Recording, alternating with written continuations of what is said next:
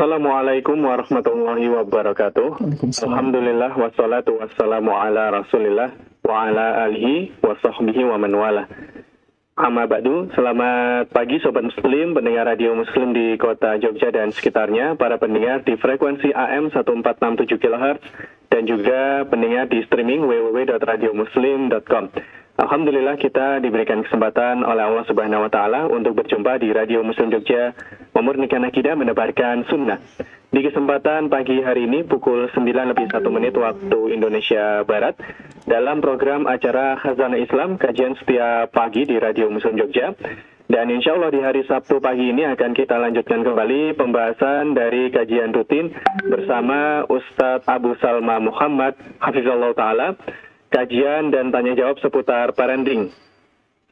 Insya Allah melanjutkan pembahasan dari kitab karya Syekh Muhammad bin Abdul Wahab rahimahullah taala pembahasan tentang mengajarkan anak tauhid. Pembahasan bersama Ustadz Abu Salma Muhammad di kesempatan pagi hari ini. Dan insya Allah nanti juga ada sesi tanya jawab yang bisa Sobat Muslim ikuti dengan menyampaikan pertanyaan atau konsultasi seputar agama, terutama seputar pendidikan anak atau parenting. Yang bisa Sobat Muslim kirimkan pertanyaannya melalui SMS atau chat WhatsApp ke 0823 2727 5333. Dan diri juga uh, menyapa kepada para pemirsa di channel YouTube dan akun Instagram Ustadz Abu Salma Muhammad yang sudah menyimak di kesempatan pagi hari ini. Teman-teman bisa kirimkan pertanyaan atau konsultasi seputar pendidikan anak melalui chat live, live chat ya atau melalui kolom komentar di YouTube atau uh, Instagram Ustadz Abu Salma Muhammad atau bisa langsung kirimkan pertanyaannya melalui WhatsApp atau SMS ke nomor Radio Muslim yakni di nomor 0823 2727 5333. Uh, dan insya Allah Sobat Muslim pada kesempatan pagi ini kita akan dengarkan pembahasan tentang mengajarkan kepada anak beriman kepada hari kiamat. Dan Alhamdulillah kita telah dibersamai secara langsung oleh Ustadz Abu Salma Muhammad. Kita sapa terlebih dahulu beliau. Assalamualaikum Ustadz. Waalaikumsalam warahmatullahi wabarakatuh Mas Didin. Alhamdulillah Mas Didin sehat ya. Atas kesempatannya pagi ini. Wa jazakallah khairan. Ya, apa kabar Ustaz? Alhamdulillah Mas Didin sehat. Alhamdulillah. Sehat walafiat ya. Baik sobat, alhamdulillah uh, beliau Ustadz Abu Salma Muhammad dalam keadaan sehat dan insya Allah kita sudah siap ya untuk mendengarkan materi yang akan disampaikan oleh beliau. Baik Sobat Muslim, kita persiapkan diri untuk menyimak, mencatat uh, pelajaran dan faedah yang akan disampaikan oleh Ustadz Abu Salma Muhammad. Kami dari studio mengucapkan selamat mendengarkan. Kepada Ustadz, kami persilahkan Ustadz. Baik Mas Didin, syukran wa jazakallah khair. Bismillah. Alhamdulillahi al-alimil khabir. Hada man sya'a min ibadihi lil iman. وضل عن الإيمان به أهل الجهود والكفران. نحمده حمدا كثيرا ونشكره شكرا مزيدا. وأشهد أن لا إله إلا الله وحده لا شريك له. بعث في المؤمنين نبيا. ورسولا منهم يتلو عليهم آياته ويزكيهم ويعلمهم الكتاب والحكمة. وإن كانوا من قبل لفي ضلال مبين. وأشهد أن محمدا عبده ورسوله عزيز عليه ما عنتم حريص عليكم بالمؤمنين رؤوف رحيم. صلى الله وسلم وبارك عليه وعلى آله وأصحابه وأتباعه وإلى إلى يوم الدين. أما بعد. Uh, jamaah sekalian, para abah, para ummahat, ikhwan dan akhwat, dan sahabat-sahabat para pendengar Radio Muslim Yogyakarta di mana pun antum berada. Assalamualaikum warahmatullahi wabarakatuh. Alhamdulillah, di pagi hari ini kita diperkenankan kembali oleh Allah Azza wa Jalla untuk melanjutkan kembali kajian kita.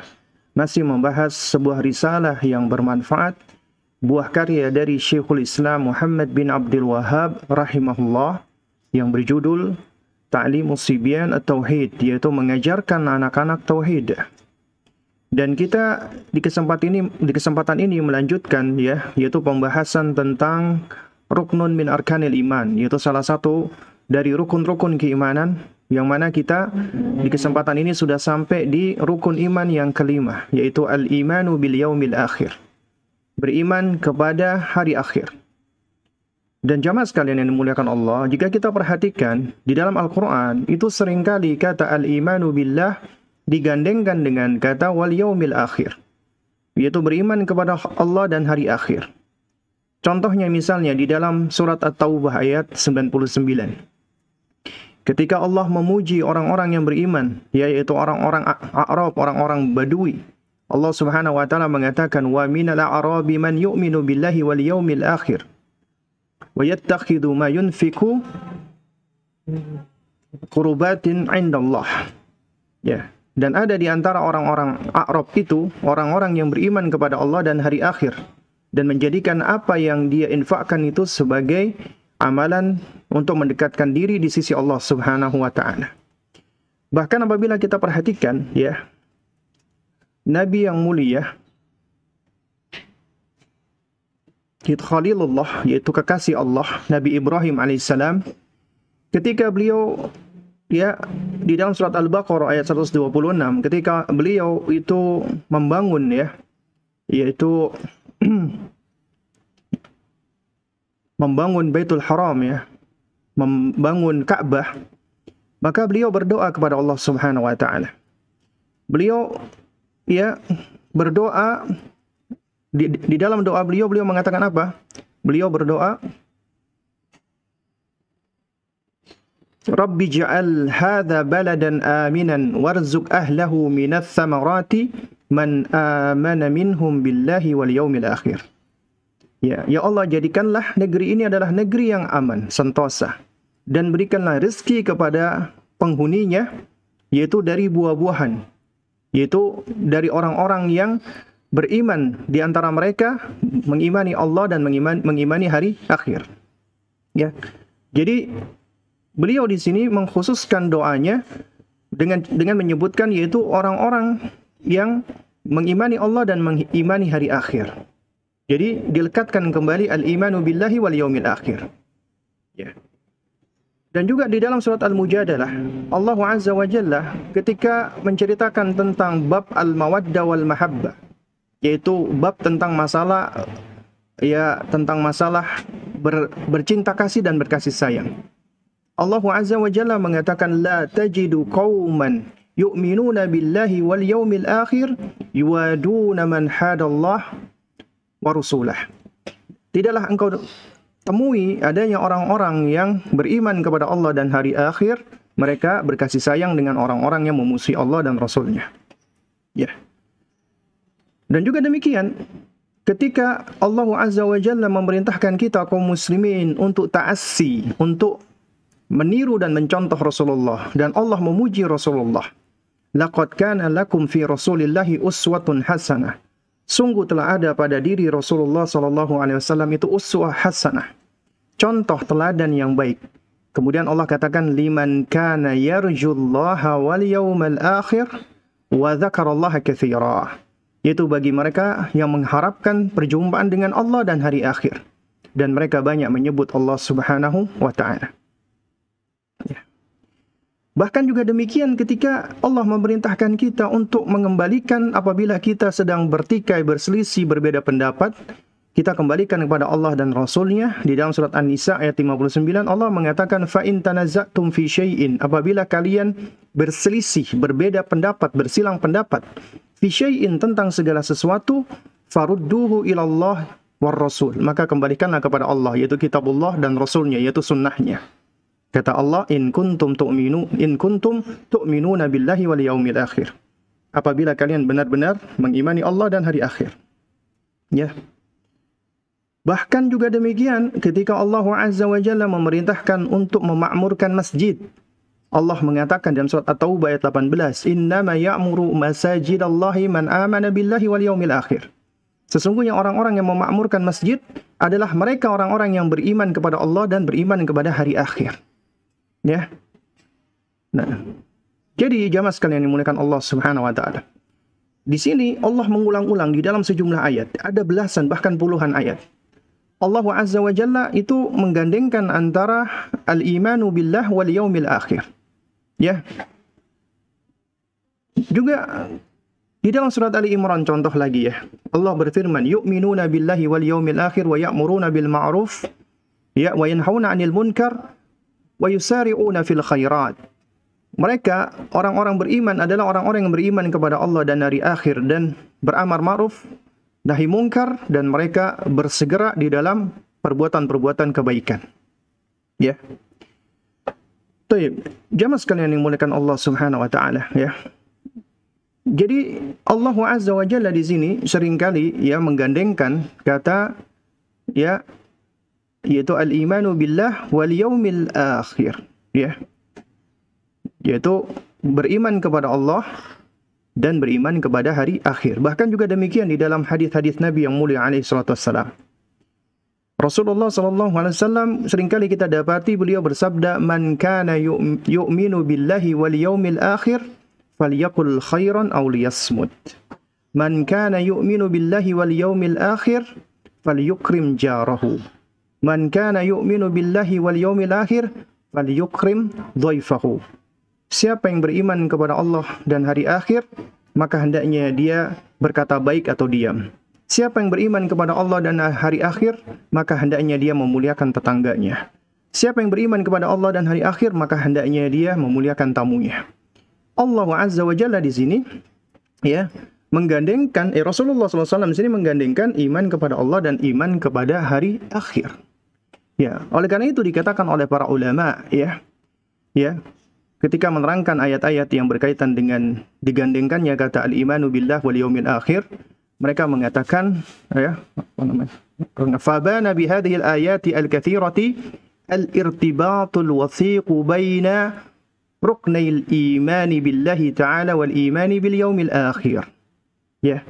Jadi mereka menerangkan bahwasanya ayat-ayat yang banyak ini ya itu menunjukkan adanya ikatan yang kuat antara dua rukun keimanan yaitu iman kepada Allah dan iman kepada hari akhir ya nah oleh karena itu mereka menyebutkan ya annal imana billahi wal yaumil akhir huma asyrafu arkanil imani wa a'dhamuhuma. Bahasanya mengimani kepada Allah dan hari akhir itu itu merupakan ya dua rukun iman yang paling mulia. Ya, dua rukun iman yang paling mulia dan paling agung. Ya. Kemudian dikatakan wa annal imana billahi ta'ala huwa dinu aw lubbuhu. Sesungguhnya beriman kepada Allah itu sejatinya adalah agama dan intisari daripada agama. Ya. Wa amma al-imanu bil, bil yaumil akhir huwa faisalu ya. Dan sedangkan beriman kepada hari akhir ya itu merupakan bagian dari dari ujung atau cabang dari keimanan tersebut ya. Artinya yang memisahkan ya. Yaitu kenapa? Karena Dikatakan para ulama ini dikatakan faisal yang memisahkan yaitu antara al-imanu bil ghaibi wal juhudi bihi. Antara keimanan mengimani perkara-perkara yang gaib, kita tahu masalah keimanan ini perkara gaib dengan orang-orang yang menentangnya, ya. Nah, kenapa demikian? Karena idz la yakfuru bihi illa man la illa man la yu'minu illa bil mahsus. Karena ya karena kenapa? Karena tidaklah orang-orang itu mengkufuri atau tidak mengimani tentang tentang hari akhir ya kecuali mereka adalah orang-orang yang hanya meyakini sesuatu yang bisa diindra saja. Ya sesuatu yang mahsus yang bisa diindra saja. Ya. Nah jamaah sekalian yang dimuliakan Allah Subhanahu wa taala. Kita tahu bahwasanya al-imanu billahi taala huwa mabda al-i'tiqadat kulliha ya. Mengiman mengimani Allah itu merupakan pondasi keimanan ya seluruhnya ya. Kenapa? Lianna man lam yu'min bi rabbi wahidin la yasilu ila al-imani bir rasul ya wal malaika wal kutub wa sairi arkanil iman. Karena siapa yang tidak beriman kepada Allah ya maka dia tidak akan bisa mengimani iman-iman lainnya karena ini merupakan pondasi karena apabila pondasinya hilang maka akan gugur semua keimanan yang lainnya idil imanu billahi huwal asl karena keimanan kepada Allah itulah yang pokok. Ya, wa bihi yasluhul i'tiqadu wa huwa aslul amal. Karena dengan mengimani Allah inilah ya ya keyakinan atau akidah itu akan menjadi benar dan dia merupakan pokok daripada amalan. Adapun wal imanu bil yaumil akhir wal wazi'u wal ba'ithu fil a'mali kulliha wa fihi salahul halil amali. Adapun mengimani hari akhir itu merupakan ya motivasi pendorong untuk beramal seluruhnya ya. Karena di dalam keimanan kepada hari akhir itu akan ya akan memperbaiki keadaan suatu amalan. Dan juga dikatakan oleh para ulama wal imanu lahu mubtada wa muntaha. Iman itu memiliki mubtada, awalan, wa muntaha, ujung. Ada ada awal, ada ujungnya, ya. Fa mubtada'uhu al-imanu billahi ta'ala. Awalnya dari keimanan itu adalah mengimani Allah Subhanahu wa taala. Kemudian ujungnya muntahahu al-yaumul eh, al-imanu bil yaumil akhir, yaitu mengimani hari akhir yaitu kita wajib mengimani hari akhir yaitu tentang segalanya yaitu minal jaza balasan-balasan tentang al jannah wan nar tentang surga dan neraka tentang uh, alam barzakh atau kuburan termasuk di dalamnya ada fitnah kubur adab kubur ya. Kemudian juga ada ada nikmat kubur ya. Nah oleh karena itu makanya dikatakan oleh para ulama ya uh, apa namanya? Wa bainal bidayati wan nihayati dakhalat kullu arkanil iman. Nah, di antara ya awal dan akhir maka seluruh rukun-rukun iman itu masuk, ya. Jadi masuklah seluruh Assalamualaikum Ustaz. Waalaikumsalam warahmatullahi wabarakatuh. Oke, putus ya? Ustaz? Iya Ustaz. Oh iya. Ini tadi Ya. Di sini agak error Ustaz, jadi blank gitu Ustaz. Oh gitu, toyib, toyib. Uh, ini tadi kita, ha? Kita ya. lanjutkan lagi Ustaz ya. Toyib, kita lanjutkan lagi nanti insya Allah kalau mis memang misalnya uh, putus-putus nanti antum anak kirimkan uh, apa rekamannya nanti insya Allah ya. Baik Ustaz. Toyib. Ini uh, saya buka bentar dulu lagi Ustaz ya. Toyib, toyib. Saya buka lagi Ustaz. Uh, silakan, silakan. Baik Ustaz. Baik kawan-kawan tadi di, di Radio Muslim sempat sempat putus ya sebentar. Insya Allah kita lanjutkan lagi.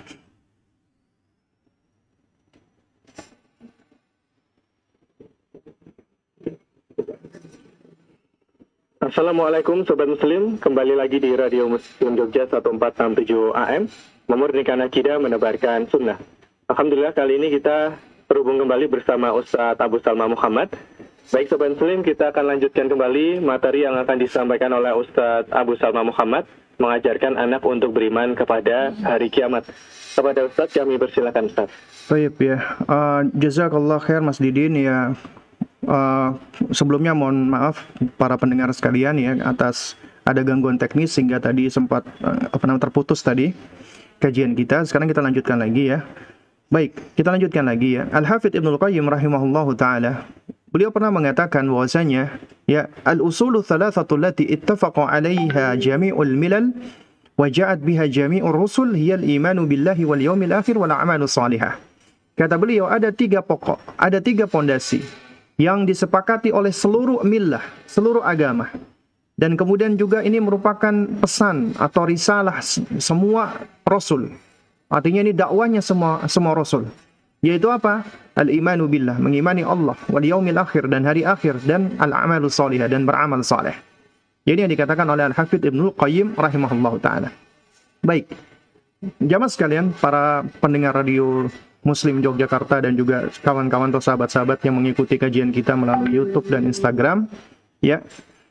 Uh, apa urgensinya kita mengajarkan tentang masalah keimanan kepada hari kiamat kepada anak-anak kita? Ya, Tentunya kita tahu bahwasanya ya apabila Allah Azza wa Jalla sendiri sering kali menggandengkan kata al-imanu billah wal yaumil akhir bahkan Rasulullah juga sama ya ini menunjukkan bahwasanya memang ada urgensi yang sangat tinggi sekali. Di situ ada buah ada manfaat ada faidah yaitu dari keimanan kepada hari akhir ya. Nah, di antaranya adalah yang disebutkan oleh para ulama ya bahwasanya ya mengimani hari akhir ya selain itu merupakan salah satu rukun dari rukun-rukun Islam yang apabila tidak diimani maka akan gugur semua ya rukun-rukun keimanan artinya dia menjadi kufur, menjadi kafir. Nah, di situ juga ada manfaat atau faidah yang lainnya. Di antaranya adalah ya yaitu al-imanu bil yaumil akhir ya di antara buah ya uh, wa min uh, ثمرات الإيمان باليوم الآخر أن اليقين بهذا اليوم يفتح للعبد باب الخوف والرجاء. Nah ini penting. Di antara buah mengimani hari akhir ya bahwasanya keyakinan terhadap terjadinya hari ini akan membuka bagi hamba pintu khauf dan roja, takut dan harap ya takut dan harap dan kata para ulama al khauf wa raja huma janahal mu'min fisyari ila rabbih ta'ala. Takut dan roja ya takut dan harap itu merupakan dua sayap orang beriman ya yang ingin berjalan meniti jalan menuju kepada Allah Subhanahu wa taala ya Nah, oleh karena itu, wa idza khala al-qalbu min al-khawfi war-raja'i hasala fihi min al-fasadi wal-khurabi asy al-katsir.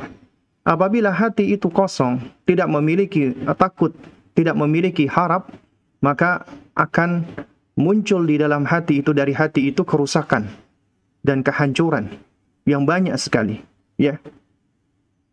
Nah, oleh karena itu, ya, annal mu'mina idza ya ya apa sesungguhnya orang-orang yang beriman ya idza yadhkuru ma fil yaumil akhir min al iqabi ya wal khizi lil mujrimin ya.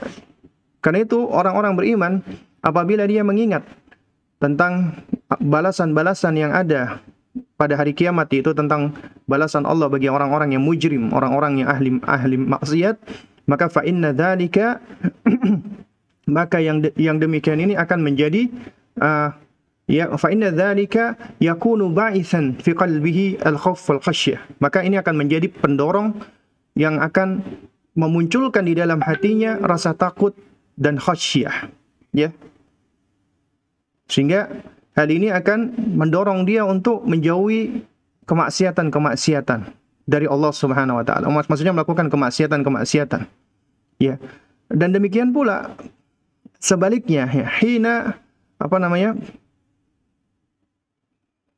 Itu ya tadzakkaru ma indallahi minal khairi wan na'im al-muqim fil jannati ardiha as-samawati wal ard. Apabila seorang mukmin itu dia mengingat tentang kebaikan-kebaikan dan kenikmatan-kenikmatan yang ada di sisi Allah, yaitu di antaranya adalah ber, bermukim di surga Allah Subhanahu wa taala yang luasnya seluas langit dan bumi, ya.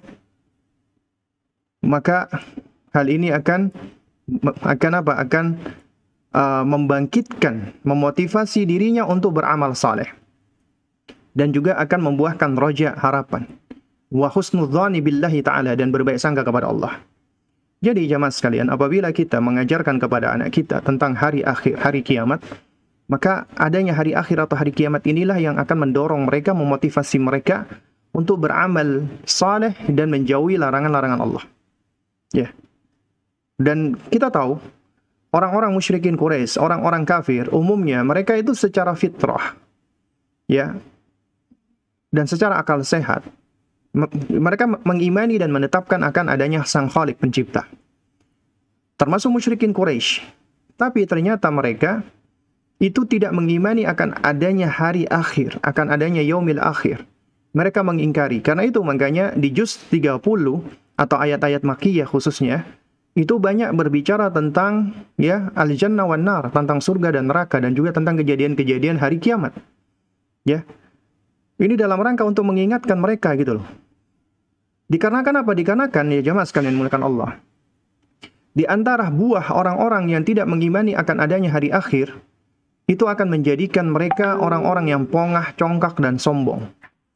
Karena apa? Karena mereka akan fokus untuk ber, mencari apa kemegahan atau bermegah-megah di dunia. Kemudian mereka akan menyombongkan diri, mereka akan congkak. Ini sebagaimana kaumnya Nabi Shu'aib ya. Kaumnya Nabi Shu'aib alaihissalam ya dan juga kaumnya para nabi yang lain. Ya. Uh, jadi apa? Jadi mereka ya jemaah sekalian menggunakan Allah Subhanahu wa taala ya. Apa namanya? Uh, itu tidak mengimani akan adanya hari kiamat, ya. Tidak mengimani akan adanya hari akhir. Ya. Sehingga apa? Sehingga mereka pun ya berlaku congkak. Di antaranya kita lihat perhatikan dalam surat Al-Ankabut ayat 36. Ya. Yaitu ketika Nabi Syuaib berdakwah wa ila madyana akhahum syuaiban faqala ya qaumi ubudullaha warjul yawmal akhirah wa la ta'thaw fil ardi mufsidin ya kepada kaum Madian yaitu kaum kaumnya Nabi Syuaib maka Nabi Syuaib berdakwah kepada mereka mengajak kepada mereka ubudullah sembahlah Allah. Tauhid tetap nomor satu. Kemudian warijul yaumal akhir. Dan berharaplah tentang hari akhir. Wala ta'tsaw fil ardi mufsidin. Dan janganlah engkau berbuat kerusakan di muka bumi ini. Nah, ini ya jamaah sekalian yang dimuliakan Allah Subhanahu wa taala dikatakan oleh para ulama ya tentang dakwanya Nabi Shu'aib alaihissalam ini annahu lamma da'a qaumahu ila al-iman billahi wal yawmil akhir nahahum 'anil fasadi fil ardi. Nabi Shu'aib alaihissalam tatkala beliau ya mendakwai kaumnya agar mereka beriman kepada Allah dan juga beriman kepada hari akhir, beliau mengajak mereka, mencegah mereka, melarang mereka dari berbuat kerusakan di muka bumi. Kenapa? Waqad kana qaumuhu ya yak wa ya waqad kana qaumuhu yaqta'una 'ala an-nasi turuqahum. Karena kaumnya Nabi Syuaib ya yaitu uh, kaum Madian mereka itu senang membegal. Artinya mereka senang orang-orang yang sedang melakukan bepergian itu dipotong, di stop jalan mereka. Kemudian dibegal, dirampok dan dirampas harta-hartanya. Ya. Nah, kemudian kata para ulama, ya, apa namanya? Fadallatil ayatu ala anna man haqqaqal imana bil, billahi wal yawmil akhir kana fi qalbihi wazi'un ya yaza'uhu anil fasadi fil ardi. Ayat ini menunjukkan bahwasanya siapa yang merealisasikan keimanan kepada Allah dan hari akhir maka akan timbul di dalam hatinya, akan bangkit di dalam hatinya agar dia meninggalkan perbuatan kerusakan di muka bumi. Kenapa? Li'an li'anna imanahu billahi ta'ala yad'uhu li muraqabatihi subhanahu. Karena keimanan kepada Allah akan akan apa? Akan mengajak dia untuk muraqabah, merasa diawasi Allah Subhanahu wa taala. Jadi iman kepada Allah itu membuahkan muraqabah, merasa diawasi Allah Subhanahu wa taala. Wal khaufu minhu azza wa jalla dan takut kepada Allah. Adapun wa imanu wa imanu wa imanuhu bil yaumil akhir ya yarda'uhu anil fasad. Adapun keimanannya kepada hari akhir itu akan mencegah dia dari perbuatan-perbuatan keji, perbuatan buruk ya di ilmihi annahu ya sayuhasabu fil yaumil akhir ala fasadi karena dia tahu bahwa kelak dia akan dihisap oleh Allah ya di hari akhir atas perbuatan fasadnya, atas perbuatan ya fasad. Dia membuat kerusakan di muka bumi ini. Fa idza kanat ifsadu fi biladil muslimina wal a'da'u yatarabbasuna biha min kulli janibin kana dhalika ashaddu wa anka. Wa dhalika katafjiril masajid wa qasdil aminin wa qatlil eh, tarwi wa ihdathil qalakil fil biladil aminah. وذلك شره على صاحبه عظيم وباله عليه كبير. فإذا كان يظن أنه يتقرب يتقرب به إلى الله تعالى كان ذلك جهلا على جهل. نعوذ بالله تعالى من الجهل والهوى ومن زيغ القلوب وفساد الأفكار. ya nah jadi jika tadi ceritanya Madian tadi adalah membuat kerusakan ya. Maka Ya, bagaimana lantas dengan pembuatan atau perbuatan kerusakan di negeri-negeri kaum muslimin? Ya, yang mana musuh-musuh agama ini mereka sudah apa? Sudah menanti-nanti. Mereka sudah uh, mengharap-harap ya akan terjadinya kerusakan-kerusakan di negeri kaum muslimin. Ya, maka tentunya ini adalah lebih buruk lagi, yaitu ketika mereka berbuat kerusakan di negeri-negeri kaum muslimin. Contohnya seperti menghancurkan masjid, ya, lalu kemudian uh, meneror orang-orang yang dalam kondisi aman dengan cara pembunuhan atau yang semisalnya ya. Atau kemudian juga membuat apa huru hara di negeri-negeri yang aman ya. Maka hal ini tentunya keburukan ya bagi pelakunya itu sungguh sangat besar sekali ya. Dan dampaknya juga sangat besar sekali ya Apalagi kalau dia sampai mengira perbuatan ini adalah dalam rangka untuk bertakorup kepada Allah, mendekatkan diri kepada Allah, maka ini adalah kebodohan di atas kebodohan. Ya. Na'udzubillahi ta'ala minal jahli wal hawa. Kita apa memohon perlindungan kepada Allah dari kebodohan dan hawa nafsu. Dan juga dari uh, apa kesesatan hati dan juga dari uh, fasadil afkar dari rusaknya pola pikir. Ya. Baik. Jamaah sekalian yang dimuliakan Allah Subhanahu wa taala ya. Lalu kemudian di antara buah ya, buah uh, keimanan kepada hari akhir ya. Ya. Apa namanya? Nah, ini ya jamaah sekalian ya. Itu akan menjadikan seorang mukmin yang mengimani Allah dan hari akhir dia akan bersikap zuhud di dunia. Dia bersikap zuhud di dunia. Zuhud artinya bukanlah meninggalkan dunia. Tapi zuhud artinya adalah mengambil dunia sesuai dengan uh, sebatas dengan apa yang dia perlukan atau dia dia butuhkan. Dia menanggalkan dunia untuk akhiratnya, tapi dia tidak meninggalkan ya dunianya dia. Artinya dia tidak meninggalkan untuk bekerja, dia tidak meninggalkan kewajiban dia untuk memberi nafkah. Tidak. Itu bukan zuhud namanya. Itu namanya uh, apa namanya ini apa namanya pemalas ya. Tapi orang yang zuhud adalah dia tetap bekerja dan mengambil haknya sesuai dengan apa yang dia butuhkan. Maka itulah yang dimaksud dengan zuhud. Ya. Baik.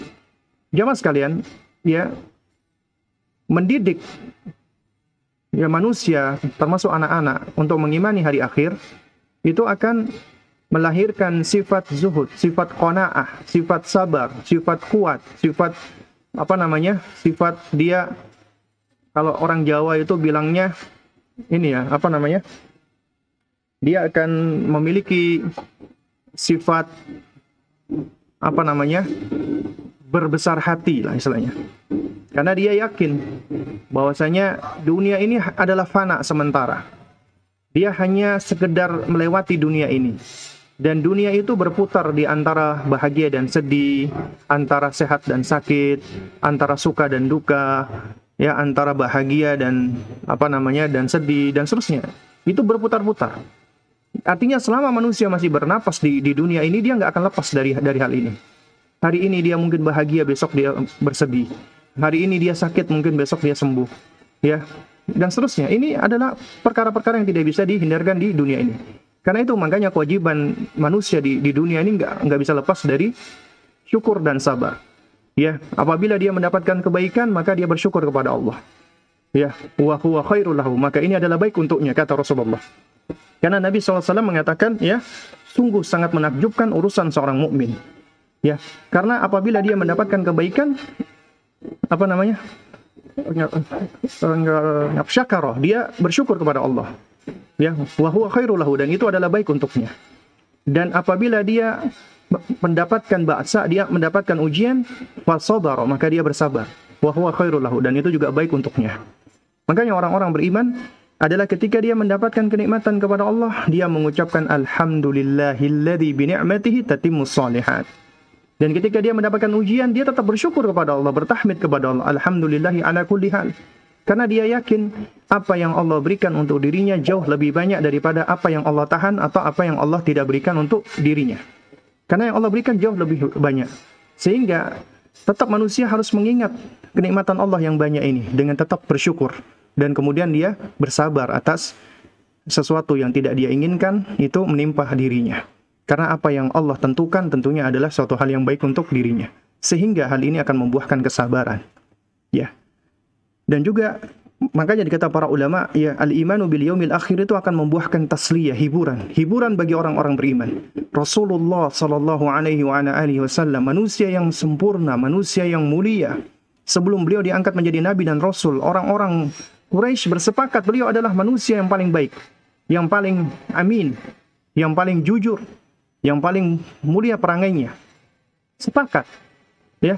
Tapi ketika Nabi diutus oleh Allah untuk menyampaikan wahyu, untuk menyampaikan risalah tauhid, ya, untuk mengajak mereka kepada la ilaha illallah, maka mulailah muncul fanatisme yaitu taklid kepada ajaran nenek moyang.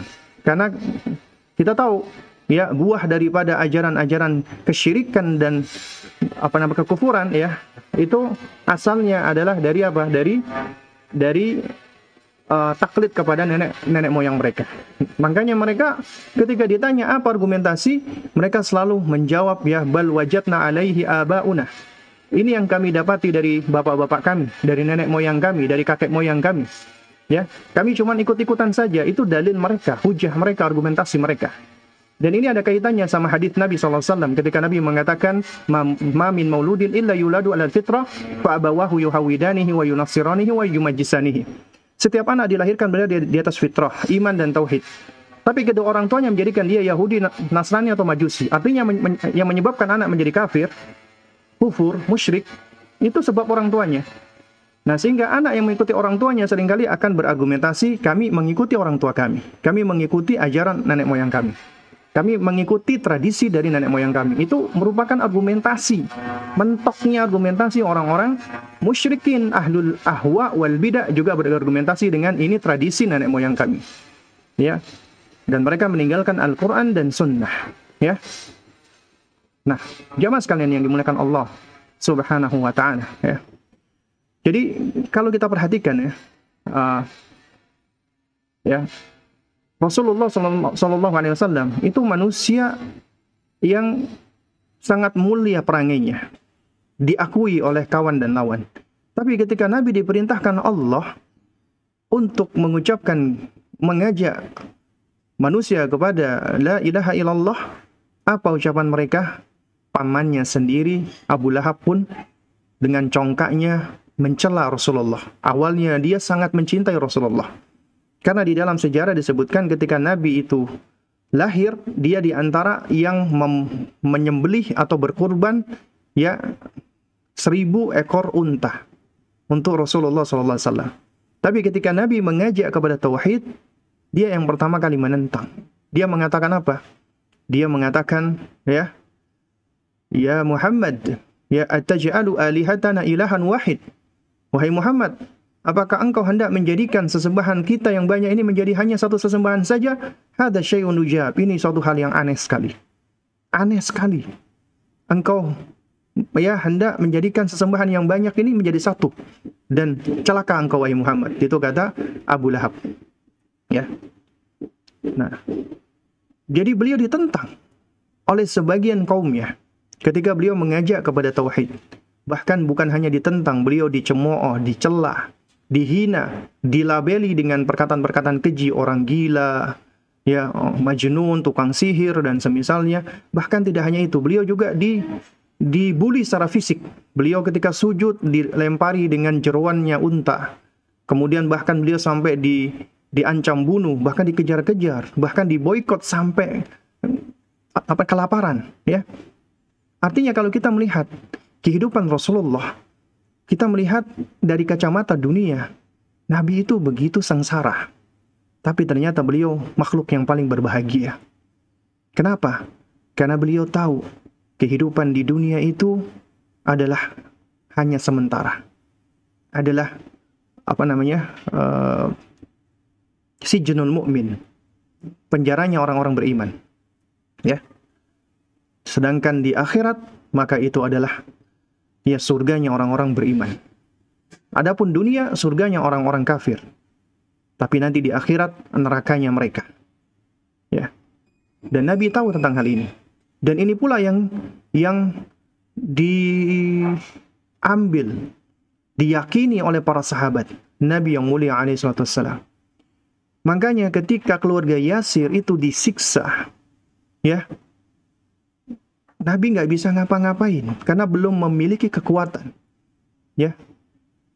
Ketika Sumayyah, ibunya Yasir itu ditusuk, mohon maaf dari kemaluannya sampai tembus dengan sangat keji sekali, ya, sangat keji sekali.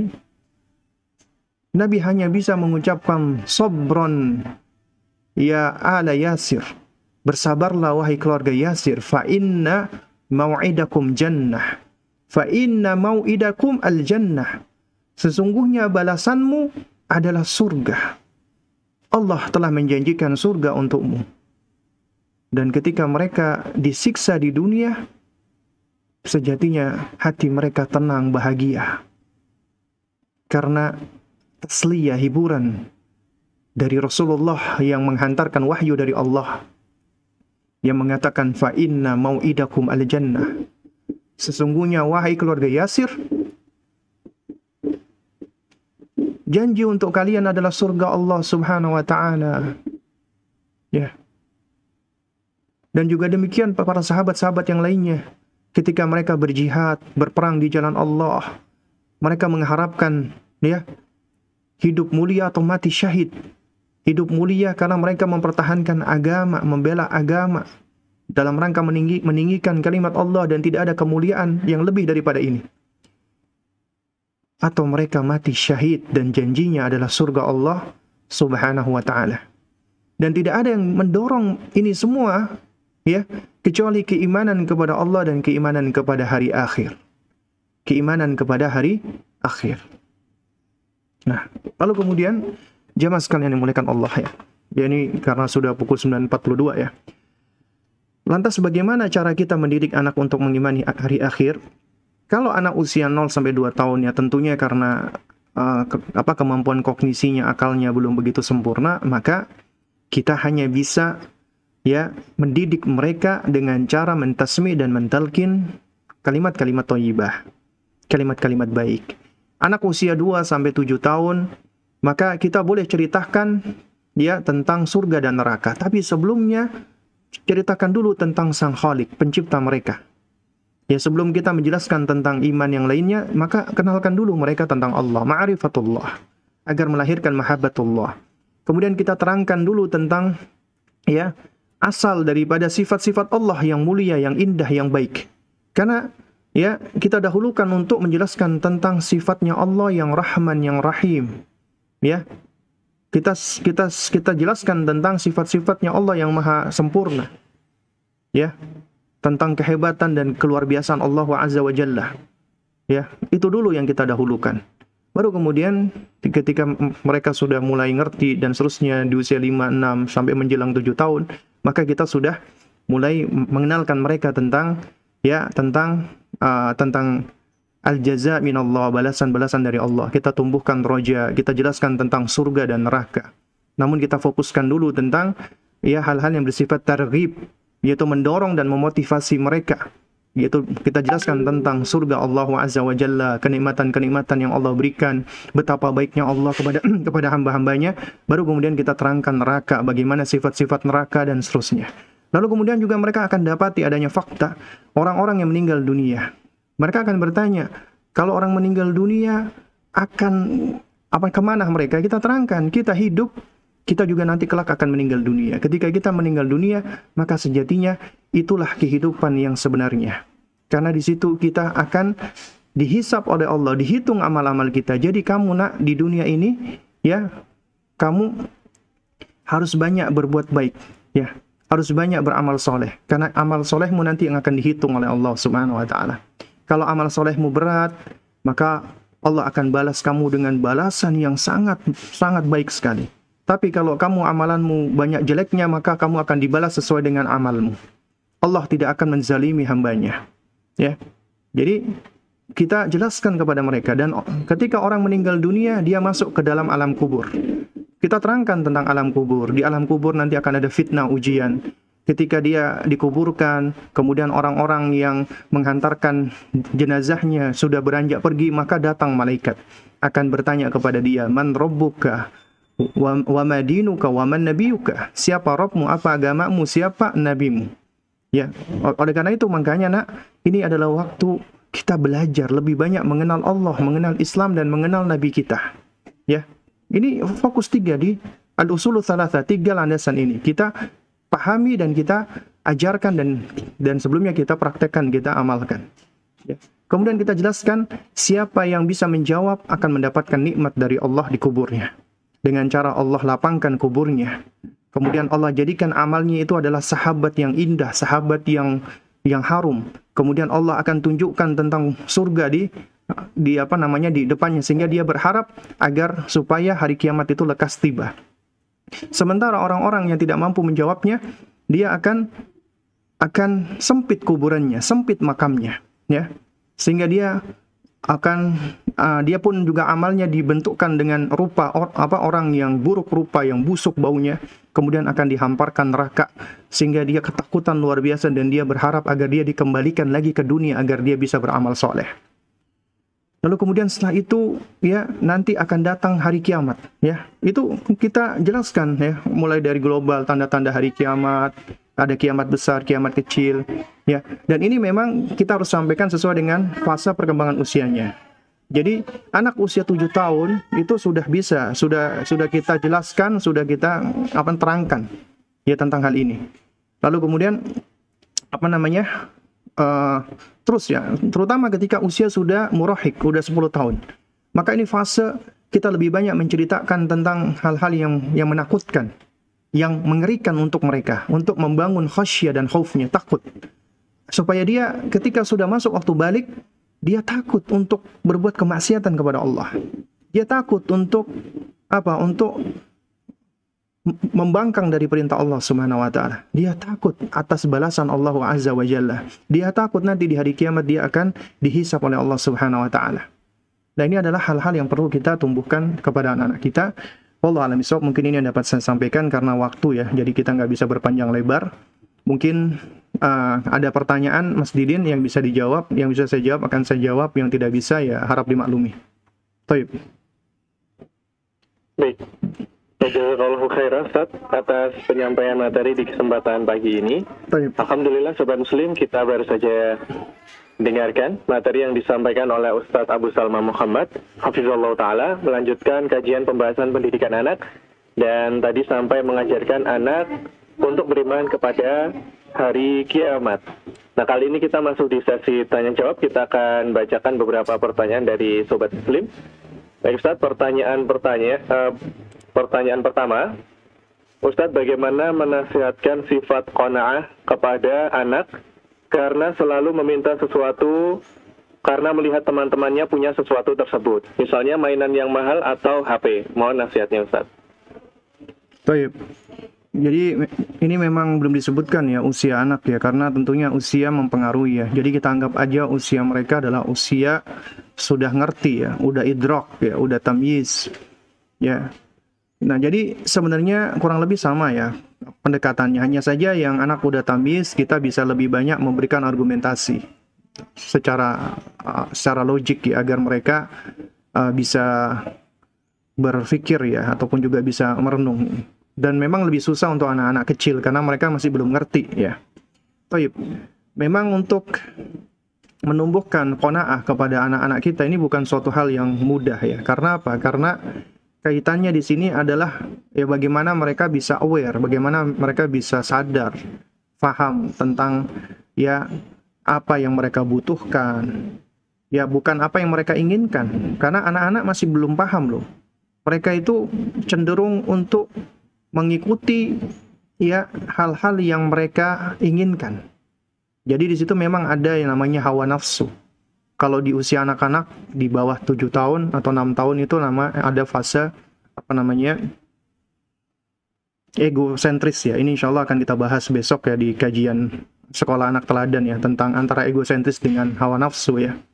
Karena sejatinya mereka masih belum ngerti karena mereka itu ya disebutkan oleh para para ulama ya. Uh, itu di antaranya oleh Dr. Ahmad Umar. Anak-anak usia tufulah mereka itu ya belum memiliki al-qadir ala tamyiz, belum memiliki kemampuan untuk memilah-milah ya. Untuk apa namanya untuk bisa ya membedakan ya. Bahkan untuk membedakan antara baik dan buruk antara bermanfaat dan yang berbahaya termasuk antara ya antara al-umuru ya antara perkara-perkara an-nafsiyah wal apa ya wal apa apa namanya ya antara perkara-perkara yang subjektif dan objektif. Jadi semua sudut pandang mereka itu adalah melalui sudut pandang diri mereka dari perspektif mereka.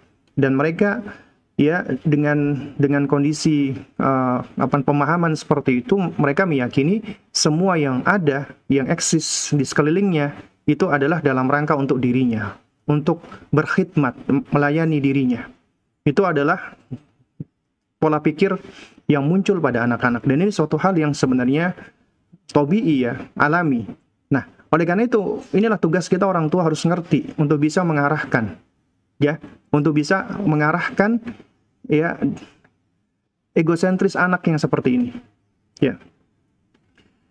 Dan ini memang kalau dibahas panjang ya. ya. Dan ini juga kembali kepada uh, pemahaman anak terhadap konsep diri. Ya konsep diri karena anak-anak itu sedang belajar, sedang menjajaki, mengeksplor termasuk dirinya sendiri. Dia berusaha memahami dirinya sendiri, memahami emosinya, memahami keinginannya, memahami perasaannya, ya. Dan dan cenderung anak-anak itu mereka memiliki memiliki hawa, ya. Yaitu uh, hawa itu kata para ulama adalah al-mailu ila ma yuhibbu kecondongan kepada apa yang dia sukai au ma yashtahi atau yang dia inginkan, yang dia kehendaki. Ya. Itu manusia itu senang dengan hal yang yang bisa memuaskan dirinya, membuat dirinya nyaman, membuat dirinya bahagia, membuat dirinya senang, membuat dirinya apa namanya bisa bisa apa namanya bisa uh, menghibur dirinya. Intinya seperti itu. Itu adalah tabiat dasar manusia. Nah, oleh karena itu makanya hawa nafsu itu nggak bisa dihilangkan, tapi bisa dikendalikan. Ya. Nah, orang-orang yang mengikuti hawa nafsu itu dicela. Ya, itu di di, di apa di dalam apa di dalam agama kita dan juga agama-agama lain sebenarnya agama-agama samawi khususnya itu mengikuti hawa nafsu adalah sesuatu yang dicela sebenarnya ya. Nah, juga demikian di sisi lain ya, ternyata orang-orang ateis, orang-orang uh, istilahnya uh, yang mengklaim sebagai pakar pendidikan barat tapi mereka tidak beragama. Nah, seperti Sigmund Freud misalnya ya, itu malah malah menyebutkan hawa nafsu itu adalah bagian dari aktualisasi diri, bagian dari uh, kepercayaan diri, bagian dari dari eksistensi diri. Ini adalah tentu suatu hal yang nggak nggak benar. Islam datang wasat, pertengahan, ya, yaitu tidak tidak membunuh hawa nafsu dan juga tidak apa namanya tidak mengikuti atau menjadikan hawa nafsu sebagai raja apa apalagi Tuhan. Tapi kita mengendalikan hawa nafsu tadi. Dan ini memang suatu hal yang tidak mudah ya jamaah sekalian. Nah, untuk mengajarkan anak kona'ah ya, itu memang butuh butuh proses. Prosesnya adalah ya kita harus harus mengajarkan mereka untuk memahami konsep diri mereka. Artinya kita ajarkan mereka untuk bisa memahami tentang apa keinginan mereka, apa kebutuhan mereka. Ya. Lalu kemudian juga ya ini adalah bagian juga tugas kita orang tua untuk bisa membentuk ya apa nah kognisi mereka maksudnya bisa menumbuhkan kognisi mereka sehingga mereka apa sehingga bisa membentuk tamyiz mereka tadi tamyiz ya sehingga mereka bisa menjadi sosok yang mumayyiz yang bisa memilah-milah ya antara yang baik dan yang buruk dan seterusnya. Lalu kemudian juga akhirnya apa juga uh, membentuk apa sensitivitas ya ataupun kepekaan sosial.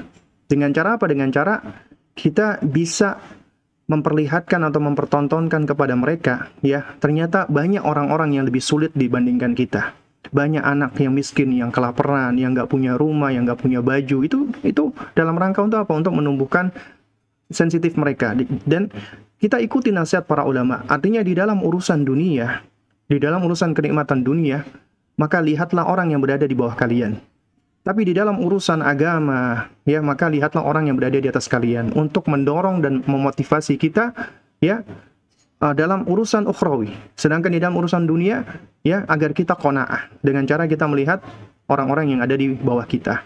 Kemudian kita ajarkan konsep apa rezeki ya bahwasanya Allah adalah Ar-Razzaq Allah memberikan rizki kepada kita sesuai dengan kehendak Allah ya dan yang namanya rizki adalah adalah bagian pula dari ujian dari Allah. Ternyata ada orang yang diberi rizki tidak bersyukur kepada Allah.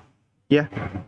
Dan ketika dia tidak bersyukur kepada Allah, maka Allah tidak akan tambah nikmatnya. Maka Allah jadikan itu sebagai musibah bencana buat buat orang tersebut. Kita kita jelaskan la in syakartum la azidannakum wa la in kafartum inna adzabi.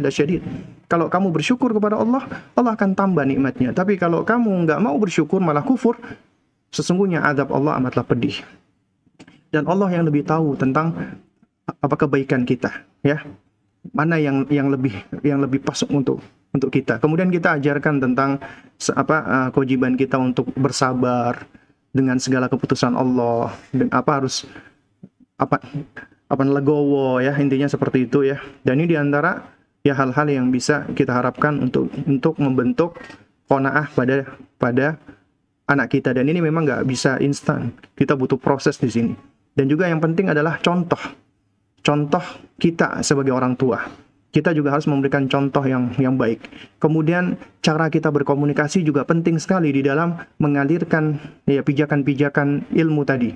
Ya kalau kita misalnya menyampaikan dengan cara yang ketus, dengan cara yang menyalahkan, kamu ini nggak sabaran, kamu ini nggak kona, itu tentunya malah dampaknya tidak tidak jelek.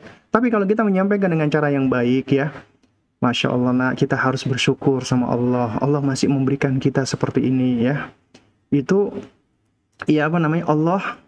Ya itu sangat kita ingatkan dia dengan nikmat-nikmat Allah yang lainnya gitu loh. Ya dan kita jelaskan bahwasanya sering kali kayak gadget kayak hal-hal yang dimiliki oleh oleh orang lain itu sebenarnya bisa membawa kepada musibah bencana. Ya dia menjadi lalai dia menjadi ini dia menjadi pokoknya hal-hal yang akhirnya buruk. Ya intinya kita sampaikan dengan cara baik. Wallah a'lam Baik Ustaz, jazakallah khairan atas jawaban dan penjelasannya. Kita bacakan pertanyaan selanjutnya.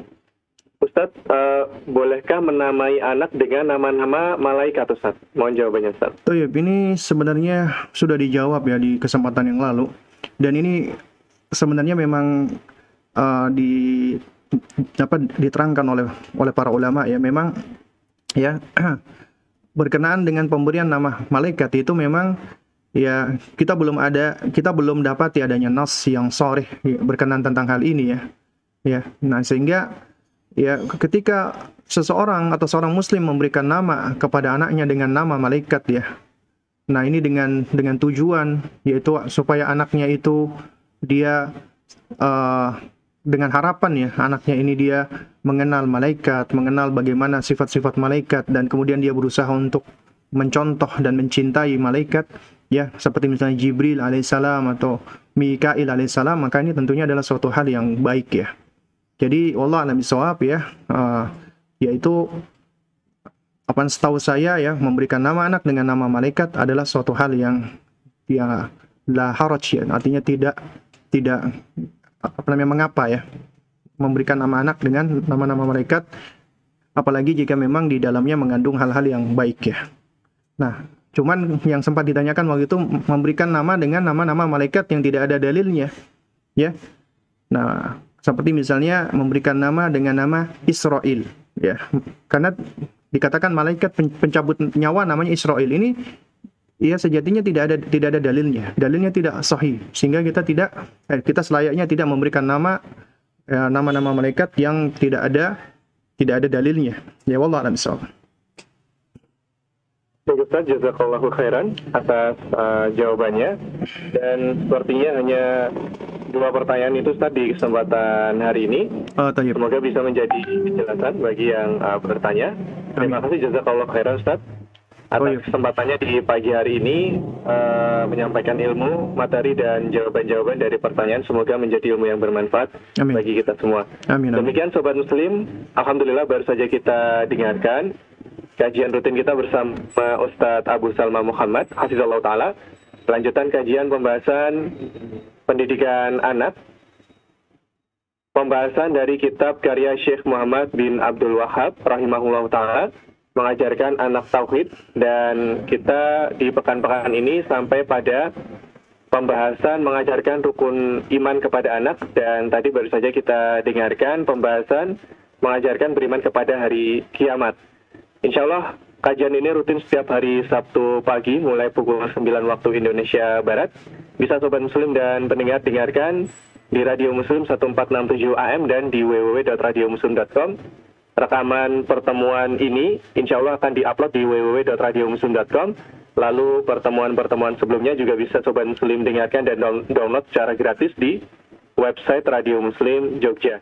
Demikian, jazakumullah khairan. Terima kasih atas kebersamaan dan perhatiannya. Insya Allah kita berjumpa kembali di kesempatan lainnya.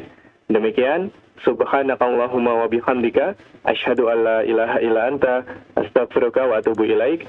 Wassalamualaikum warahmatullahi wabarakatuh. Waalaikumsalam